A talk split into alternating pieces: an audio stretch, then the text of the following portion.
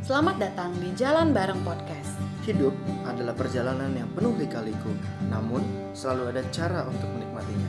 Kami percaya cara terbaik menikmati dan menjalani hidup adalah jalan bareng Tuhan. Aku Bobby, Dan aku Sepri, bersama-sama kita jalan bareng menemukan kebenaran dan harapan di dalam Injil. so senang bisa jalan bareng denganmu.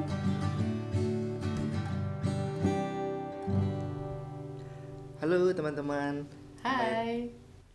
Kembali lagi di Jalan Bareng Podcast. Kita di episode berikutnya kita akan ngebahas tentang satu yang juga sering sih. Apa, Bi? Is, kamu mah katanya Cuma kamu, kamu katanya kamu yang mau ngomong. Topiknya ya seputar itulah. Kekecewaan ya. Mm, soal, soal kekecewaan. Disappointment. Disappointment. Bahasa Bataknya. Oke. Oke, sip. Nah, soal kekecewaan ini, eh, ini adalah hal yang lumrah pasti pernah dialami ya oleh setiap orang dalam hal berelasi. Nah, hari ini kita coba nih. Nah, tapi sebelumnya kita mau disclaimer dulu nih teman-teman. Mm-mm. Berdasarkan diskusi kita tadi, sebenarnya ngomongin soal kekecewaan kita dalam hal relasi sama orang lain kan. Iya. Bukan kayak misalnya kecewa ya nggak dapet beasiswa misalnya. Hmm, ini adalah dalam hal hubungan Relasi, dengan ya. orang lain. Nah menurut kita setelah kita tadi berdiskusi, setidaknya tuh ada dua hal yang bisa membuat kita kecewa dalam hal kita hubungan pertemanan. Yang pertama kita bisa kecewa gara-gara yaitu ya hukum ekspektasi dan kenyataan. Ketika Ya, ekspektasi tidak sesuai dengan kenyataan akibatnya kita menjadi kecewa.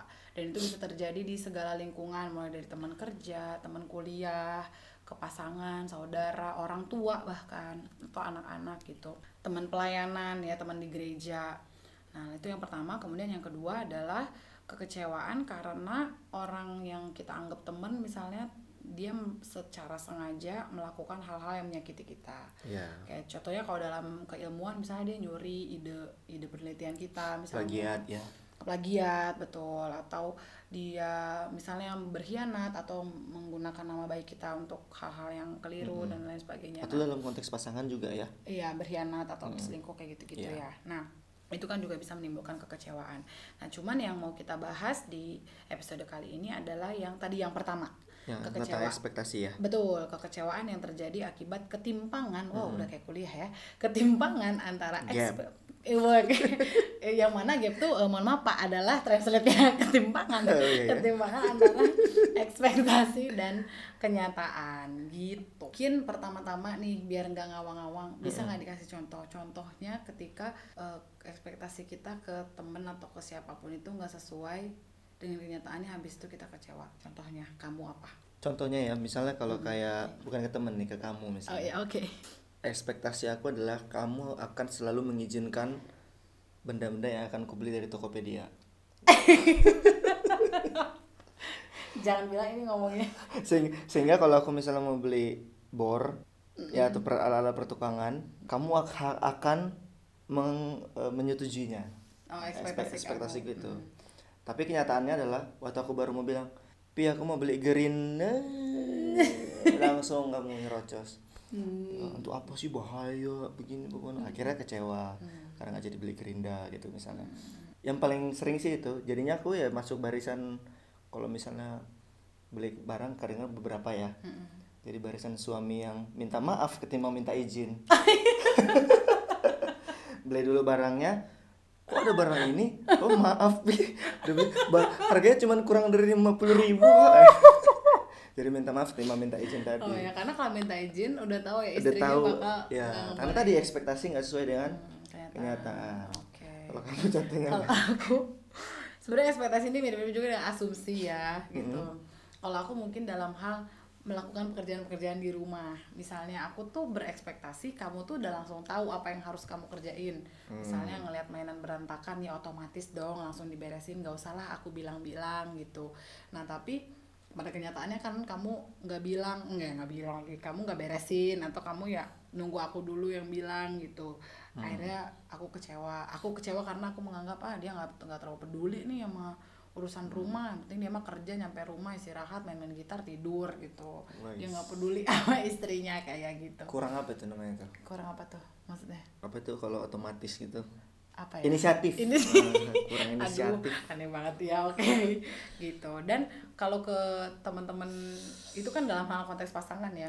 Kalau ke teman kerja teman kuliah atau sahabat sendiri juga pasti banyak ya misalnya Iya. kayak kita berharap teman kita tuh selalu ada buat kita Mm-mm. di WA pasti selalu bales ya kan atau eh, ketika kita butuh dia selalu ada atau dia selalu mengafirmasi apa yang kita bilang dia nggak Iya. pernah bantah kayak gitu kan ya dan ketika teman kita nggak sesuai dengan ekspektasi kita lalu kita jadi kecewa. Yes. Gitu ya. How to counter it biasanya common sense kita yang muncul adalah ya atur ekspektasi lo gitu ya kan. Mm-mm. misalnya Iya sih. kayak aku tadi baru mau nekan aplikasi Topet Mm-mm. udahlah pasti nggak disetujui jadi nggak usah gitu.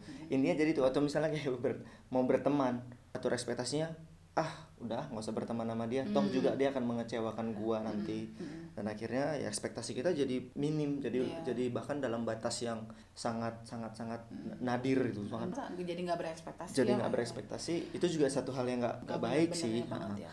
atau, Atau- ya jadi efeknya jangan ditemenin lagi lah. Sekali misalnya dia ekspektasinya nggak ekspektasi kita nggak sesuai dengan kenyataannya nggak usah teman lagi atau nggak usah dekat-dekat banget lah sama orang. Suatu hari dia akan mengecewakan lo loh. Hmm, ya kan? iya. jadi mending ke- ketimbang kita Kecewa. kecewa, di suatu hari mending tidak usah menjalin hubungan eh, pertemanan, pertemanan atau dengan kamu usah punya sahabat nggak apa-apa lah gitu Iya. ya.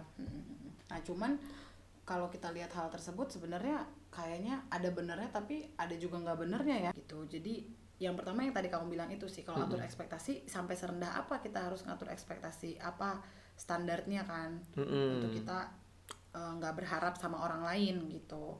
Kemudian yang kedua ya masa sih nggak ada harapan sama sekali sama orang lain gitu kan. Ya masa sih kita nggak punya teman nggak punya sahabat gitu Iya. kan? Masa sih kita berharap bebas dari konflik gitu? Sama sebenarnya sih aku penasaran sih apa sih yang sebetulnya eh, terjadi beyond kekecewaan ini dalam hati kita tuh apa sih sebenarnya? Hmm. gitu. Nah sebetulnya kalau kita lihat lagi eh, kenapa sih sebenarnya terjadi kekecewaan? Ya Ah, kalau kita tarik belakang banget itu kan sebetulnya karena manusia sudah jatuh dalam dosa ya jadi lagi-lagi ya. lagi dan lagi. Jadi memang dosa ini tidak hanya merusak hubungan kita dengan Tuhan tapi juga merusak hubungan kita dengan diri kita dan Ya. dengan sesama ya kan? Roma 3 ayat 23 kan bilang gitu ya semua manusia telah kehilangan kemuliaan Allah. Telah jatuh dalam dosa dan telah kehilangan kemuliaan Allah. Jadi ya siapa sih manusia yang nggak berdosa gitu? Nah akibatnya karena dosa ini membuat ketika kita berteman aku sih ngelihatnya nih Pi, yang pertama kita tuh jadi membangun relasi yang atas dasar transaksional gitu. Hmm. Nah ini tuh ini sering banget nih digaungkan. Beberapa waktu lalu kalau nggak salah podcastnya Friend Sound menyebutkan tentang kasih yang transaksional. Dan itu bagus banget teman-teman. Aku eh, ini ya rekomen ya. Ketika kita membangun pertemanan kita tuh jadinya tuh eh, apa yang dia punya yang bisa aku dapetin ya gitu. Misalnya ini nggak melulu ngomongin soal materi ya tapi kayak kehadiran dia kehadiran teman kita atau kayak kata-katanya tuh harusnya selalu manis selalu bijak gitu misalnya. Atau kayak harusnya dia tuh selalu berintegritas selalu tepat waktu. Harusnya dia tuh setia loh gitu-gitu. Nah kita jadi berharap berharap dan berharap. In some ways mungkin itu baik ya. Kalau misalnya kita lihat di kalau misalnya kita mau sahabat kita bertumbuh dan segala macam eh, mungkin baik untuk berharap yang baik dari sahabat kita atau dari Iya. teman kita tapi kalau misalnya itu membuat kita memakai untuk kepuasan diri kita kepuasan diri kita Ya. gitu jadinya ya malah jadi si kecewa itu gitu dan aku ngelihat dosa tuh membuat kita lupa bahwa teman kita ini adalah orang yang Juga berdosa. berdosa. terus dosa tuh membuat kita lupa bahwa kita adalah orang yang berdosa juga yang Iya. membangun pertemanan dengan orang berdosa ya Iya. yang ma- gimana sih dosa ketemu orang berdosa ketemu orang berdosa ya pasti saling mengecewakan kan iya dan yang terakhir dosa membuat ki- kita memperlakukan teman kita ini jadi orang yang nggak berdosa Hmm. jadi dia tuh harus kayak Tuhan yang Iya. kayak memuaskan semua, Semua. keinginan kita memuaskan semua afek-afek yang kita perlukan eh, harus selalu nyenengin kita Tuhan segala- dalam artian itu ya Iya, dalam Yang- arti sesuai yang- dengan keinginan kita. Mm-mm. Tuhan huruf T-nya kecil ya T-nya kecil ya bukan T yang besar gitu nah akhirnya kita jadi menaruh harapan terlalu banyak kepada manusia menaruh harapan pada fondasi yang salah yes akhirnya jadi berakhir pada kekecewaan terutama ketika itu tidak tercapai Kalau aku yang kedua efek dari dosa tadi bisa kita mengeneralisir mengeneralisir seluruh eh, individu tersebut ataupun kelompok yang diwakili oleh individu tersebut. Misalnya kayak misalnya kita kecewa sama teman kita Mm-mm. seseorang waktu dia tidak menepati janjinya misalnya kamu bilang tadi harus selalu hadir dan sebagainya waktu dia berjanji dengan kepada kita kita nggak akan percaya lagi. Udah kecewa duluan awalnya. Jadinya udahlah yang tadi efeknya. Nggak usah ditemenin lagi. Ekspektasi kita rendah sama orang itu. Kita nggak akan berteman dengan dia lagi.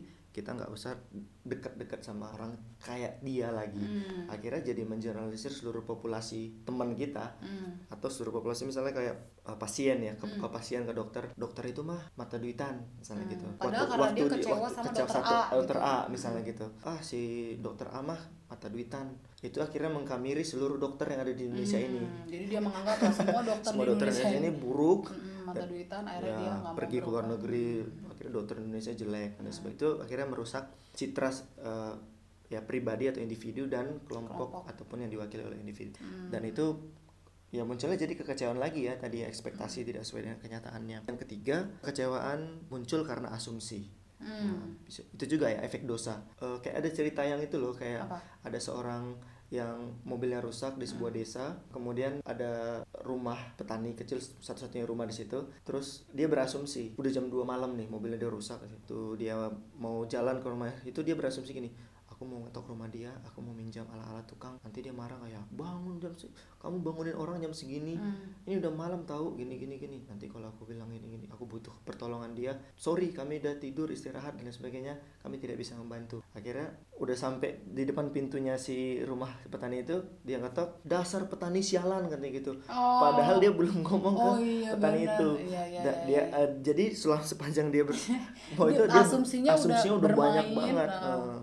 Sampai satu jadi titik. bukan malah minta tolong pak Iya, tapi malah kayak dasar lu nggak mau Oh, nolongin gua gitu iya, ya. karena tadi acting out berdasarkan asumsi Asumsinya. kita.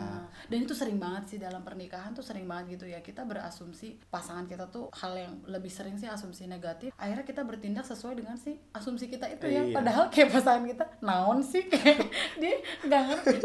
Kayak, oh, Iya, nah, iya, iya. apaan ya? Gitu kan. Kayak nggak ada komunikasi akhirnya gitu. Akhirnya Hmm. jadi kecewa. Itu aneh yang nomor tiga ini lucu ya kita Hmm. kecewa gara-gara diri kita sendiri Iya, ya Mm-mm. pikiran kita sendiri. Iya benar sih dan kembali lagi syukur kepada Allah karena Tuhan tuh tahu kita nggak bisa menyelesaikan masalah kekecewaan dan relasi dengan orang ini sendiri Kristus datang ke dalam dunia, Dunia. gitu ya dan Kristus datang untuk memulihkan relasi-relasi yang ada termasuk juga untuk memulihkan relasi yang rusak antara manusia berdosa gitu. Kalau kita lihat selama Kristus hidup di dunia dia nggak membatasi aku ngelihat ya dia nggak membatasi relasinya dia dengan banyak orang loh. Kalau tadi ya poin yang pertama atur ekspektasi lo dong kalau kayak gitu Iya. gitu ya. Udah nggak usah berteman sama orang yang A B C lo berteman aja sama orang yang D E F yang sesuai sama kita.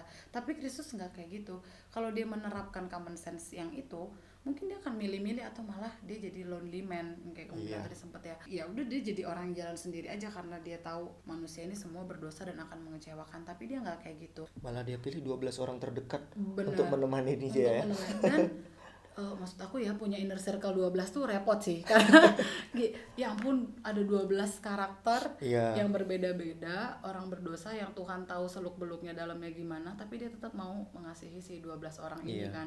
Bayangin aja Petrus yang besar mulut gitu ya yang berkhianat akhirnya menyangkal Kristus.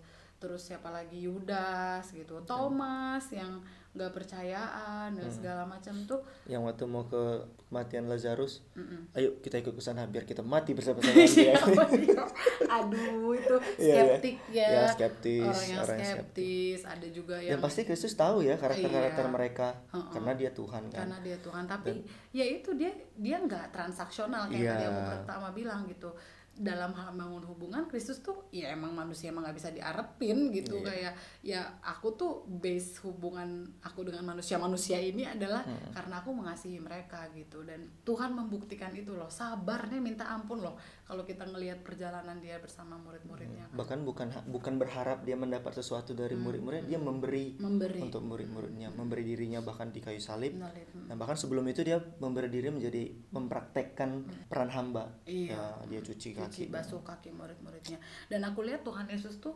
membuka diri sampai pada tahap dia vulnerable banget untuk Iya. mengalami kekecewaan loh Yes. Iya kan Wak- waktu dia disalib itu momen kalau aku manusia biasa ya itu momen aku kecewa banget sih sama sahabat-sahabatku kayak ini momen terberat aku terus pada ke mana nih orang-orang malah pada pergi ya kan Iya, dia ya. membuka Iya, ya. diri kepada relasi yang sampai pada tahap kayak pasti bakal kecewa nih gitu tapi dia tetap ngejalanin itu dari awal.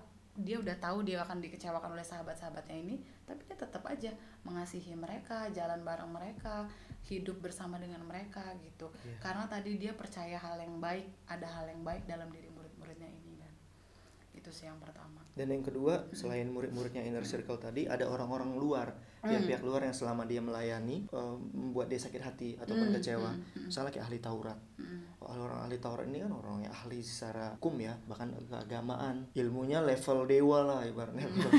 oke level dewa itu sebenarnya istilah yang salah ya. Maksudnya pengetahuannya luas dan tinggi, sehingga waktu ya Yesus waktu bergaul bersama dengan mereka waktu bercakap-cakap ataupun Yesus sering kali dites ya, Mm-mm. ya di sama sama orang-orang ini Yesus mengcounter mereka menjawab mereka bahkan Mm-mm. bukan didiamin doang nggak dan nggak dianggap Mm. untuk uh, setiap pertanyaan-pertanyaan yang sebenarnya untuk menjatuhkan dia ya Iya, kan benar. supaya ada alasan untuk membunuh dia. Soalnya Tuhan tahu sebenarnya kekecewaan yang akan timbul dari hubungan itu, tapi terbukti waktu kalau dia mengeneralisir ahli-ahli Taurat, Hmm. yang kayak kita bilang tadi mengeneralisir satu individu dan kelompok-kelompoknya, Mm-mm. mungkin dia tidak akan menerima Nikodemus di Yohanes oh 3. iya benar. Ya, aku pikir Kristus mau tetap berelasi dengan ahli Taurat ini, Mm-mm. dengan kelompok orang-orang yang mungkin secara uh, sebagian besar sebagian besar high class ya. Ah, ah. sebagian besar tuh punya pandangan yang Pandangan- buruk ke dengan Kristus gitu ya Iya. tapi ketika ada satu dari kelompok mereka yang datang Kristus nggak apaan lu ini pasti Iya. ahli Taurat mau menjatuhkan ya nggak kayak Iya, gitu iya, tapi dia, dia kayak gitu membuka diri ya. Iya, benar Dan sih. yang terakhir, selain tadi inner circle dan juga ahli Taurat yang selalu mengcounter dia mencari kesalahan-kesalahan dia, yaitu orang-orang yang dianggap hina, Hmm. berdosa, tidak punya kedudukan, status bahkan sosial dan religi di zaman Di itu, itu di ya. masa itu. Mm-mm. Misalnya seperti wanita Iya. yang dia tarik untuk mau dilempari batu, oh yang ber yang ketahuan berzina dia ketahuan berzina, Tuhan Yesus menganggap dia dan berelasi dengan dia. Kemudian Zakheus, oh iya benar cerita kesukaan. cerita kesukaan Bocah. anak-anak ya Ya, Zakheus tuh Iya. kan di mata manusia pengungut cukai, iya orang suruhannya Romawi, Romawi penjajah ya penjajah, meng- menjajah bangsanya sendiri Iya, gitu. Pa- Pasti orang skeptis dengan tindakan Yesus yang mau berelasi dengan dia. mm-mm. Yesus nggak sama dengan orang-orang iya. lain. Yesus nggak pakai asumsi Nggak ya pakai Mm. asumsi. Iya benar. Iya Dan kan bahkan dia langsung bilang Zakheus turunlah gitu Iya. aku nak minum di rumahmu katanya gitu dan aku pikir Yesus ini hebat banget sih Mm. kayaknya hidupnya tuh nggak punya tembok nggak punya pagar yang membuat dia terbatas untuk bergaul dengan siapa pun bahkan dengan orang-orang mana pun ba- bahkan dengan kita manusia yang memikirkan uh, manusia itu berkasta-kasta Hmm. ya, bertingkat-tingkat Yesus tuh nggak punya Nggak. kayak gitu Allah tuh adalah Allah yang berelasi ya Yes, Allah yang iya. bahkan sebenarnya Allah Tritunggal pun kan sebenarnya Allah yang Allah berelasi yang di dalam. berelasi kan tapi dalam Kristus kita bisa ngelihat bahwa oh bener nih Allah tuh adalah Allah yang nggak tertutup akan relasi gitu Iya. dan dia ngasih teladan ke kita sendiri loh ketika dia di dunia gimana dia berelasi dengan orang-orang yang tadi udah kita sebutin itu Iya. ketika udah tahu apa yang udah Kristus lakukan selama di dunia dan aku menerima itu aku menerima Kristus sebagai Tuhan dan Juru Selamat aku pun jadi bisa melakukan apa yang Kristus udah lakukan Hmm. ketika dia di dunia dengan bebas dan itu memberikan aku kebebasan untuk kebebasan untuk berelasi. vulnerable ya iya benar kebebasan untuk terhadap kekecewaan. Benar untuk bisa berelasi dengan orang lain gitu. Hmm. yang pertama bisa contoh gitu ya dalam hal mengatur ekspektasi. Hmm. emang benar sih kita harus satu sisi kita harus tetap mengatur ekspektasi kita. Iya. kita tuh nggak bisa memang ngontrol orang. Iya. kita nggak bisa mengontrol manusia lain teman-teman kita. Kita nggak bisa mengontrol kon- kondisi gitu ya. Tapi kita bisa mengatur perspektif gitu. Nah tapi Mm-mm. perspektifnya ini perspektif yang harus benar yang kita miliki. Benernya tuh dalam artian apa? Yang pertama kita harus sadar bahwa kita tuh orang berdosa. Manusia yang kita temenin ini tuh adalah orang berdosa gitu. Teman kita pasangan kita sahabat kita saudara kita tuh adalah juga orang berdosa. Kita pun orang berdosa yang sama-sama butuh kasih karunia Allah yang sama-sama bisa saling mengecewakan gitu kan. Iya. Gitu. Nah jadi ketika muncul konflik ataupun kekecewaan aku nggak lantas berhenti untuk berteman gitu ketika aku Hmm. punya perspektif itu itu dia melakukan ini karena dia memang manusia berdosa Hmm. atau gimana dong kak kalau gimana dong Sep kalau misalnya terjadi pada orang-orang yang katanya udah terima Kristus tapi kok masih bisa mengecewakan ya memang iya maksudnya pengudusannya tetap terjadi cuman jejak dosanya kan masih ada ya kesimpan gitu masih masih ada lah hal-hal yang sisa dari dosa itu gitu yang terus menerus harus dikuduskan jadi masih tetap bisa mengecewakan bahkan Iya. orang-orang dalam sepersekutuan gitu atau Iya. dalam pelayanan orang yang udah kita percaya sekalipun tetap bisa mengecewakan. Cuman kita nggak bisa nggak nggak harus langsung berhenti berteman. Tapi Iya. kita bisa tadi praktekin Injil. Injil tuh kan sebenarnya adalah mengasihi dengan kasih yang unconditional kan. Kayak Kristus Iya. ke kita. Injil tuh apa sih? Ya Injil tuh percaya kepada hal yang terbaik dalam diri orang itu gitu. Mm. jadi ketika kita kecewa terhadap pribadi seseorang kita malah bisa memakai itu sebagai kesempatan kita untuk bertumbuh. Kita Yes. memakai itu untuk kesempatan kita mengasihi dia dengan cara yang benar dengan cara yang baik gitu. Dan malah juga bisa mungkin membuat si teman kita itu bertumbuh misalnya Iya. kita diskusi sama-sama kah atau ngajak ngobrol kah atau menyampaikan berkomunikasi dengan baik gitu seperti katanya besi menajamkan besi, besi betul sesama, sesama menajamkan menajamkan sesama sesama. Aku ingat kata-kata kamu ya, setiap kali kita memasuki pertemanan, memulai berteman berarti kita memasuki arena pertumbuhan sebenarnya. Iya. Yang mana di dalamnya kita pasti bergesekan, pasti akan kecewa, tapi kalau kita memakai hal itu dengan perspektif yang benar tadi, Hmm. kita bisa bertumbuh, teman kita pun juga bisa bertumbuh dalam relasi itu gitu kan. Oke. Tapi ini disclaimer lagi ya teman-teman. Iya, iya. Mungkin ini adalah general uh, Mm-mm. rulesnya aja.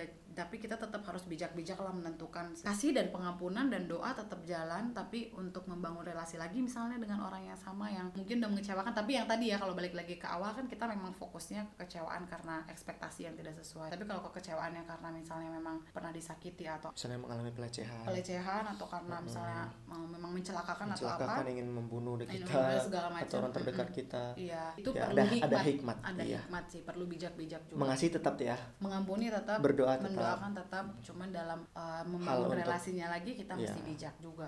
Kemudian yang berikutnya em, aku pikir setelah kita di mengatur eh, ekspektasi hal yang juga di dalam Injil adalah eh, adanya penghibur atau Roh Kudus itu yang waktu kita kecewa dia menghibur kita dan menolong kita untuk keluar dari kecewaan itu bahkan untuk menolong kita untuk mengatur ekspektasi kita Iya.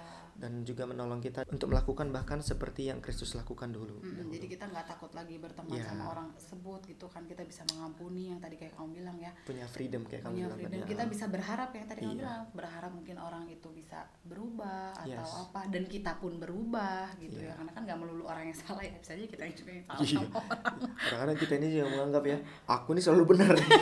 dia dia aja yang nggak pernah mau menerima pendapatku. Asumsi lagi ya kan. Harusnya lagi. Itulah Roh Kudus di dalam firman Tuhan kan Roh Kudus tuh mengingatkan kita apaan apa yang Kristus ajarkan kan. Iya. Bilang jadi apa yang dalam firman Mengingatkan Tuhan kita firman mengingatkan Tuhan. kita.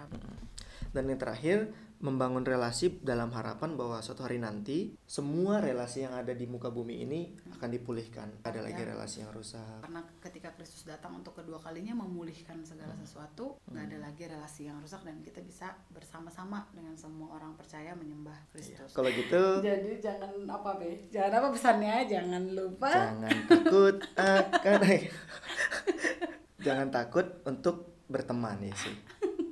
Karena kekecewaan itu pasti ada sih, tapi kalau dalam Kristus kita punya harapan untuk bisa bertumbuh terus, meskipun lecet-lecet ya kalau kita bergesekan dengan orang lain, ada pertumbuhan. Tapi ini Oke, semua bukan secret sauce untuk anti kekecewaan Iya. atau kayak supaya pertemanannya awet tapi ini secret sauce untuk punya freedom ketika kita mau berelasi dengan teman dengan pasangan dan pertumbuhan di dalam dan pertumbuhan di dalam si relasi itu bahkan ketika kita mengalami kekecewaan sekali. Oke, Kayaknya kita em, ini agak panjang ya kali ini Uh-uh. episode kali ini. Iya, uh. Tapi gak apa-apa lah. tapi Nggak sampai dua hari dua malam kok. Gak ya oke.